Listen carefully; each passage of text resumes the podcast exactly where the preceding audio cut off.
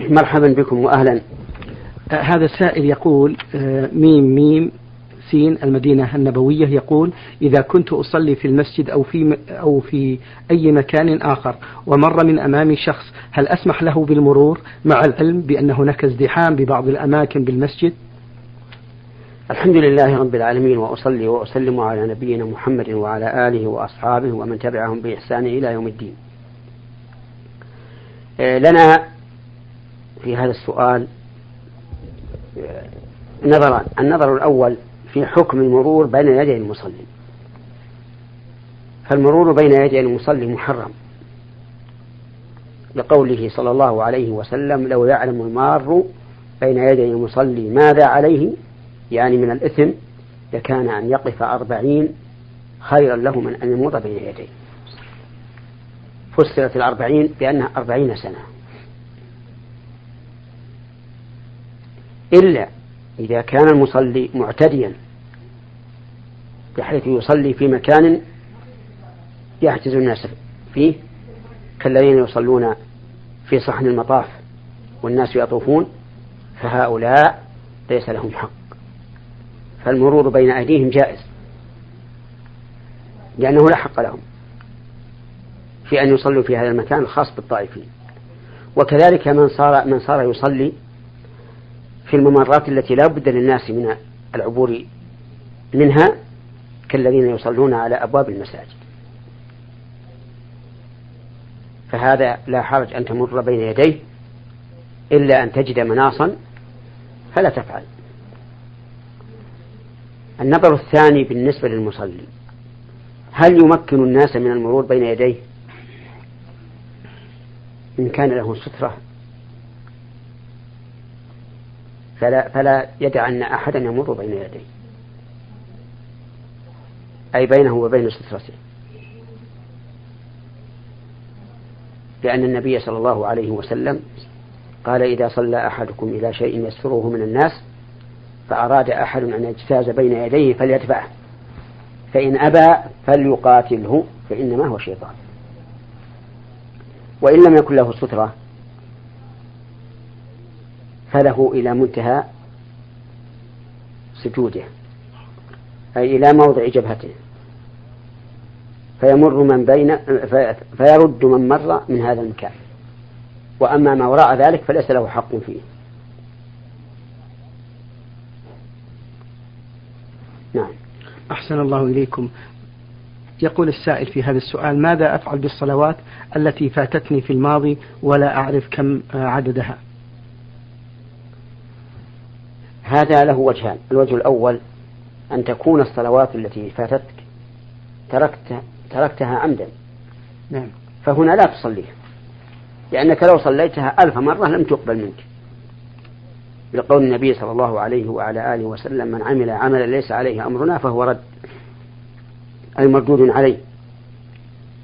ومن تعمد الصلاة خارج وقتها بلا عذر شرعي فقد صلاها على غير أمر الله ورسوله فتكون مردودة عليه. الثاني أن يتركها لعذر كالنسيان والنوم. وما أشبه ذلك فيقضيها. طالت المدة أم قصرت؟ لكن إذا أشكل عليه كم عددها فليبني على اليقين. فإذا قدر أنها عشر صلوات أو ثمان صلوات قضى ثمانية صلوات فقط لأنه متيقن.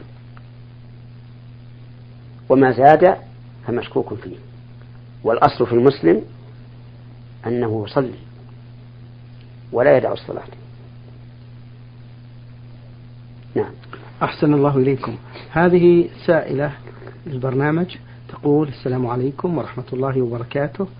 تذكر بأنها فتاة تزوجت من شاب وهي صغيرة وبعد الزواج بفترة قصيرة وبتأثير من بعض الناس والأقارب خاصة تقول كرهت هذا الشاب وافتريت عليه الأكاذيب وكنت أطلب منه الطلاق ما بين الحين والآخر. وبعدها طلقني هذا الشاب وهي الآن نادمة على ما فعلت. هل ينطبق عليها الحديث أي من رأى سألت زوجها الطلاق من غير بأس فحرام عليها رائحة الجنة؟ نعم ينطبق إذا كانت طلبت الطلاق من غير من غير بأس. لكن يبدو من سؤالها أنها إنما سألت الطلاق لبأس وهي وهو ما ذكره هؤلاء عن هذا الرجل. من أنه فيه كذا وكذا من العيوب التي تستوجب أن تفارقه. لكن الشأن في هؤلاء الذين خببوا المرأة على زوجها والعياذ بالله فإن هؤلاء لهم عيد شديد. عليهم أن يتوبوا إلى الله عز وجل وأن يحاولوا الاتصال بالزوج الذي فرقوا بينه وبين زوجته فيطلب منه السماح. لأنهم اعتدوا عليه عدوانا ظاهرا. نسأل الله العافية والسلامة. نعم. السائلة حاجيم الزهراني تقول هل تفسير الأحلام والاعتقاد بذلك التفسير جائز أم لا؟ آه قبل أن نجيب على هذا السؤال أحب أن لا يهتم الناس بالأحلام. كثيرا. لأن الشيطان يمثل للنائم في منامه أشياء كثيرة غريبة مزعجة مؤلمة لأن الشيطان عدو للإنسان. فهو يحدث كل شيء يزعج الإنسان. قال الله تبارك وتعالى إن الشيطان لكم عدو فاتخذوه عدوا. وقال تعالى إنما النجوى من الشيطان ليحزن الذين آمنوا وليس بضارهم شيئا إلا بإذن الله. فالشيطان يرى النائم في منامه أشياء مزعجة. في نفسه أو في أهله أو في مجتمعه. ودواء هذا أن يدفل الإنسان عن يساره ثلاث مرات ويقول أعوذ بالله من شر الشيطان ومن شر ما رأيت. ولا يحدث بذلك أحدا. وإذا كان على فراشه وأراد الاستمرار في النوم فلينقلب على الجنب الآخر. وحينئذ لا يضره هذا الحلم شيئا.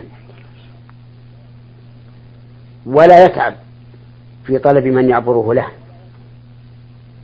انتهي عند هذا الحد الذي أرشد, أرشد إليه النبي صلى الله عليه وعلى آله وسلم. أما إذا رأى ما يسره فإذا رأى ما يسره فليستبشر بخير وليعبره على ما يطرأ في باله وقلبه ويرجى أن الله سبحانه وتعالى يجعل الواقع على حسب ما رأى في منامه وعبره في في كلامه. فلا ينبغي للإنسان أن أن ينساب وراء الأحلام. فإنه إن فعل ذلك تسلط عليه الشيطان. ومن هذا أن بعض الناس يرى أموات له ماتوا قديما أو قريبا يراهم في حال مزعجة. مؤلمة فيتألم وهذا أيضا من الشيطان فليدفن عن ساري ثلاث مرات ويقول اللهم اني اللهم إني أعوذ بك من شر الشيطان ومن شر ما رأيت ولا يخبر احدا. أو يرى أحيانا ابوه أباه أو أمه يقول يا ابني تصدق لي حج لي اعتمر لي فهذا أيضا لا عبرة به. لا عبرة به إطلاقا ولا يلتفت إليه. لأن الإنسان أحيانا يفكر دائما في أبيه أو أمه الميتة. ومع كثرة التفكير يتصور الشيطان بصورتها أو صورة الأب ويقول افعل كذا افعل كذا. والأحكام الشرعية لا تثبت بالمرائي أبدا. نعم إن رأى الإنسان رؤيا وقامت القرينة على صدقها فحينئذ يعمل بها من أجل القرينة. نعم. أحسن الله إليكم شيخ. السائل أخوكم حسن له هذا السؤال يقول هل يجوز لي أن أقرأ آية الكرسي والإخلاص والمعوذتين عند النوم وأن أذكر الله بأسمائه الحسنى دون وضوء؟ نعم يجوز هذا. إذا كان عن ظهر قلب. لأن القرآن لا يحرم على المحدث إلا من عليه جنابة. فإنه لا يقرأ القرآن حتى يغتسل. وأما قراءة القرآن على غير وضوء فلا بأس بذلك إذا لم يمس المصحف. لأن مس المصحف بغير وضوء منهي عنه. ففي حديث عمرو بن حزم أن النبي صلى الله عليه وعلى آله وسلم كتب ألا يمس القرآن إلا طاهر. نعم. هذا السائل من السودان يقول في هذا السؤال نحن مجموعة من الشباب نقوم بصيد نوع من أنواع الطيور يقال له القطا ليلا. واعترضنا بعض الإخوان وقالوا إن صيد الطيور في أوكارها ليلا محرم مستدلين بحديث لا تأتوا الطيور في أوكارها ليلا. ما حكم صيد الطيور في أوكارها ليلا؟ وما, وما مدى صحة هذا الحديث؟ هذا الحديث لا يصح عن النبي صلى الله عليه وعلى آله وسلم. والصيد جائز ليلا ونهارا. إلا أنه في الليل على خطر لأن الإنسان قد يتجشم شجرة تؤذيه أو حفرة يقع فيها. لشفقته على إدراك الصيد. أما من حيث الصيد نفسه فإنه حلال. ليلا ونهارا. قال الله تعالى هو الذي خلق لكم ما في الأرض جميعا ولم يقيد زمنا دون زمن. نعم. أحسن الله إليكم شيخ. آه هذه السائلة حاء حاء الغامدي من الباحة. تقول ما الحكم إذا تبخرت المرأة وخرجت من بيتها؟ هل الحالة في ذلك مثل حالتها كمتعطرة؟ إذا بقيت رائحة البخور فلا فرق بين البخور وبين الدهون. أما إذا لم تظهر كما هو الغالب؟ الغالب أن البخور لا يظهر إلا لمن دنا جدا من الإنسان وشم لباسه. يعني شم ثيابه. نعم. فهو على شك أدنى من الطيب من الدهن. ولهذا قال النبي صلى الله عليه وعلى آله وسلم أي أي امرأة أصابت بخورا فلا تشهد معنا صلاة العشاء. ولم يقل فلا تخرج من بيتها. فالمهم أنه إن كانت رائحة البخور فائحة تشم إذا مرت من عند الرجال فحرام عليها. وإلا فلا حفظكم الله. تقول السائلة عند انتهائي من الصلاة أستغفر الله 33 وأسبح الله 33 وأحمد الله 33 وأكبر 33 وأقول لا إله إلا الله 33 مرة. فهل في ذلك شيء؟ نعم في هذا شيء. لأن هذا خلاف السنة. السنة إذا سلم الإنسان من صلاة الفريضة أن يستغفر الله ثلاث مرات. فيقول استغفر الله استغفر الله استغفر الله. اللهم أنت السلام ومنك السلام تبارك يا ذا الجلال والإكرام. ويقول لا إله إلا الله وحده لا شريك له له الملك وله الحمد وهو على كل شيء قدير. ثلاث مرات في الظهر والعصر والعشاء. وأما المغرب والفجر فيقول لا إله إلا الله عشر مرات. ثم يقول سبحان الله والحمد لله والله أكبر ثلاثة وثلاثين مرة. فيكون المجموع تسعة وتسعين. ثم يختم المئة بقوله لا إله إلا الله وحده لا شريك له له الملك وله الحمد وهو على كل شيء قدير. هذا نوع من التسبيح. نوع آخر أن يقول سبحان الله سبحان الله ثلاثة وثلاثين مرة. الحمد لله ثلاثة وثلاثين مرة. الله أكبر أربع وثلاثين مرة. هذا نوع ثاني. أو يقول سبحان الله عشر مرات والحمد لله عشر مرات والله أكبر عشر مرات. هذا نوع ثالث. أو يقول سبحان الله والحمد لله ولا إله إلا الله والله أكبر خمسا وعشرين مرة. هذا نوع الرابع ثم إذا انتهى من هذا فليسبح الله ما شاء وليحمد الله ما شاء. لا باعتقاد أنه سنة بل باعتقاد أنه ذكر مشروع غير منهي عنه. نعم. أحسن الله إليكم. هذا السائل محمد عبد الله يقول ما حكم التجارة في العملات النقدية؟ في؟ العملات النقدية. مم. التجارة في العملات النقدية لا بأس بها. لكن يجب إذا تعامل بالنقود أن أن يكون التقابض في المجلس من الطرفين. فإذا أردت أن تصرف دراهم سعودية بدولار أمريكي فلا بأس. لكن بشرط أن يكون التقابض من الجانبين في المجلس قبل التفرق. نعم. أحسن الله إليكم. هذا السائل يقول رجل انتقض وضوءه في الطواف هل يجب عليه أن يعيد الطواف من البداية أم يبدأ من الشوط الذي انتقض فيه الوضوء؟ وهل هذا الحكم ينطبق على السعي بين الصفا والمروة؟ إذا أحدث الإنسان في أثناء الطواف. فمن قال من العلماء إن الوضوء شرط لصحة الطواف قال يجب عليه أن ينصرف ويتوضأ ويعيد الصلاة الطواف من أوله لأن الطواف بطل بالحدث. ومن قال إنه لا يشترط الوضوء وهو اختيار شيخ الإسلام ابن تيمية رحمه الله قال إنه يستمر ويتم بقية الصلاة الطواف ولو كان محدثا. لأنه ليس هناك دليل صريح صحيح في اشتراط الوضوء في الطواف. وإذا لم يكن هناك دليل صحيح صريح فلا ينبغي أن نبطل عبادة عبادة شرع فيها الإنسان إلا بدليل شرعي. ثم إننا في, في, في هذه العصور المتأخرة. لو أوجبنا على هذا الذي أحدث أثناء الطواف في أيام المواسم وقلنا اذهب وتوضأ وارجع.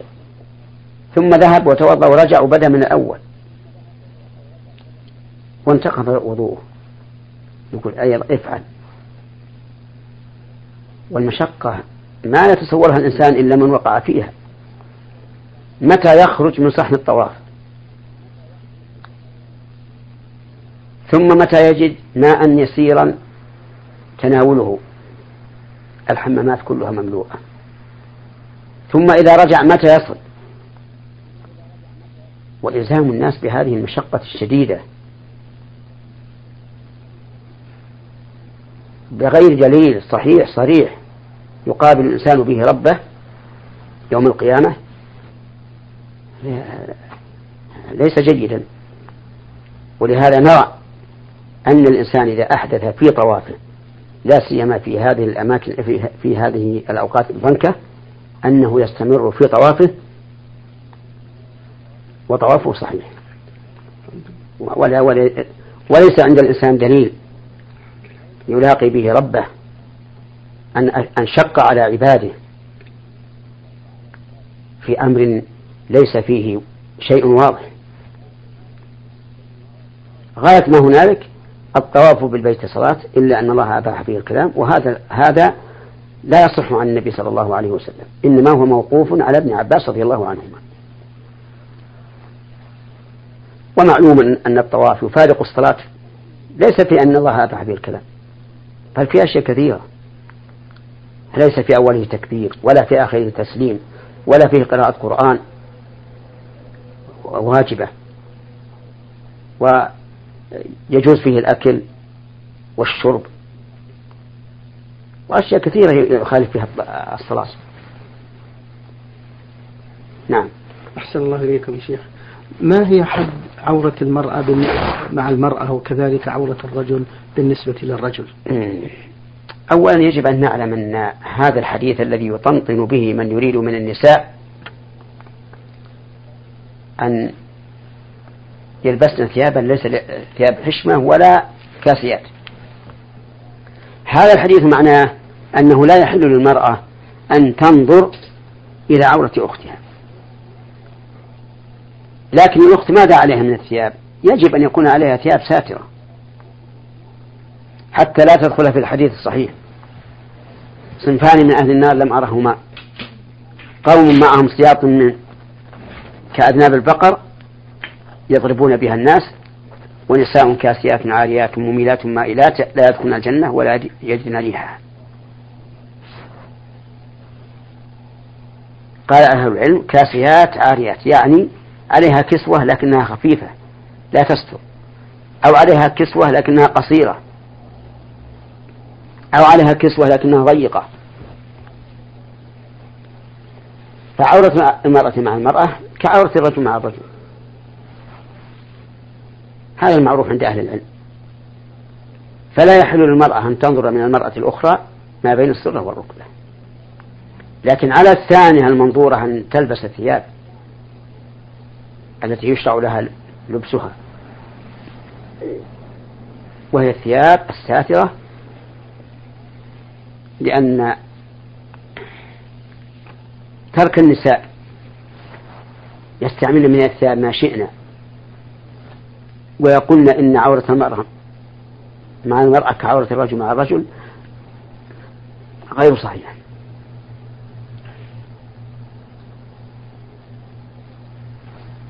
نعم. أحسن الله إليك يا شيخ. آه هذا السائل للبرنامج يقول ما حكم إحضار الطعام إلى المساجد بنية الصدقات؟ وجهونا في ضوء هذا السؤال. إحضار الطعام إلى المساجد ليأكله الفقراء. لا بأس به لكن لا على سبيل الدوام. لأنه إذا كان على سبيل الدوام فقد اتخذ المسجد بيتا ومقرا. إنما إذا كان لأمر طارئ. كالإفطار في رمضان. فهذا لا بأس به. بشرط أن لا يتأذى أهل المسجد ولا يتلوث ولا يتلوث المسجد.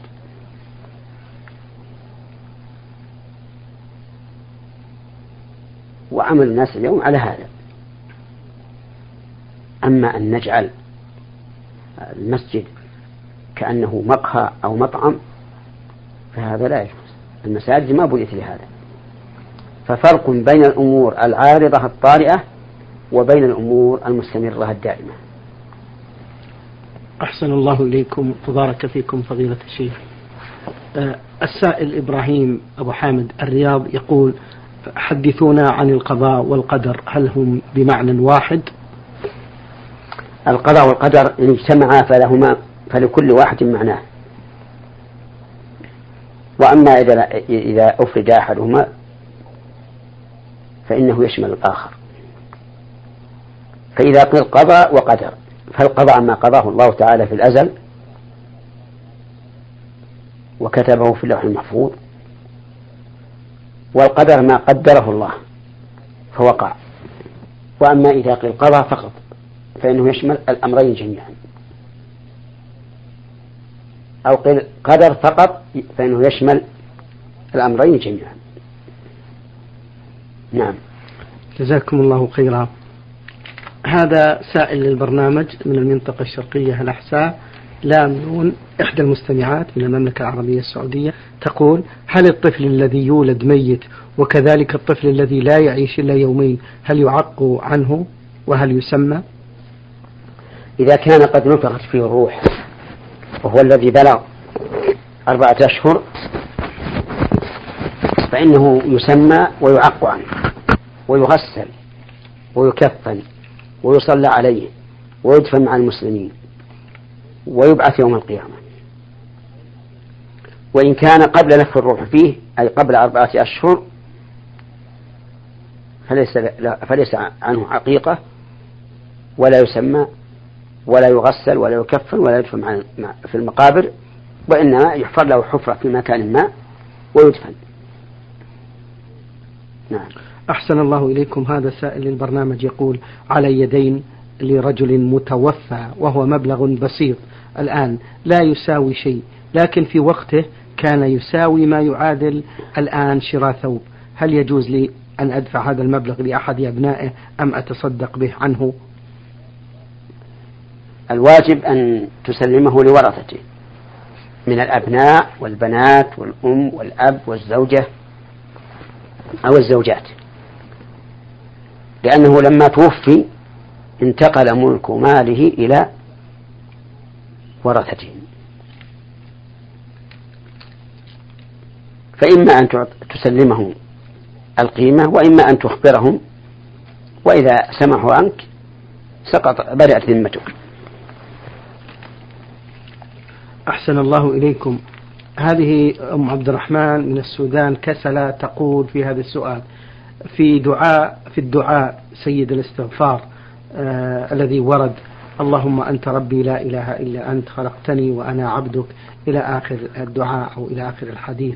هل المرأة تستبدل عبارة أنا عبدك بعبارة أنا أمتك هذه اختلف فيها العلماء رحمه الله. رحمه الله. منهم من يقول الأولى إبقاء الحديث على لفظه فتقول المرأة وأنا عبدك لأنها حقيقة هي عبد الله. فهي من عباد الله الصالحين. إن كانت من الصالحات. ومنهم من قال يراعى المعنى. فالمرأة تقول وأنا أمتك. وأنا أماتك وأنا على عهدك ووعدك ما استطعت. وهذا أقرب إلى الصواب. لأن إبقاء اللفظ وأنا عبدك يحتاج إلى تأويل. وأما وأنا أمتك فلا يحتاج إلى تأويل لأنها حقيقة أمة الله عز وجل. ولهذا جاء في الحديث الصحيح لا تمنعوا إماء الله مساجد الله. تقول السائلة عندنا عادة عندما تكمل المرأة النفساء أربعين يوما آه، يصنع لها الطعام من البلح والفطاير ويسمى كرامة الأربعين ويدعى له الجيران والأهل أو يوزع على الجيران هل هذا العمل بدعة؟ ليس ببدعة هذا عمل فرح يتبع العادة لكن ما لا ينبغي أن يخرج فيه إلى الإسراف والبذخ والزيادة في الإنفاق ولكن لو سأل سائل هل يجوز أن نجعل العقيقة على هذا الوجه؟ بمعنى أن نذبح العقيقة في اليوم السابع وندعو إليها الجيران والأقارب أو نذبح العقيقة ونتصدق بها. الجواب الجمع بين الصدقة وجمع الأقارب أحسن. لأن الصدقة فيها نفع الفقراء ولا بد من أن ينتفع الفقراء بما ذبح تقربا إلى الله عز وجل. واجتماع الجيران والأقارب فيه خير فيه صلة وتعارف وتآلف وإظهار لهذه الشعيرة التي هي العقيقة. شكر الله لكم من فضيلة الشيخ وبارك الله فيكم وفي علمكم ونفع بكم المسلمين.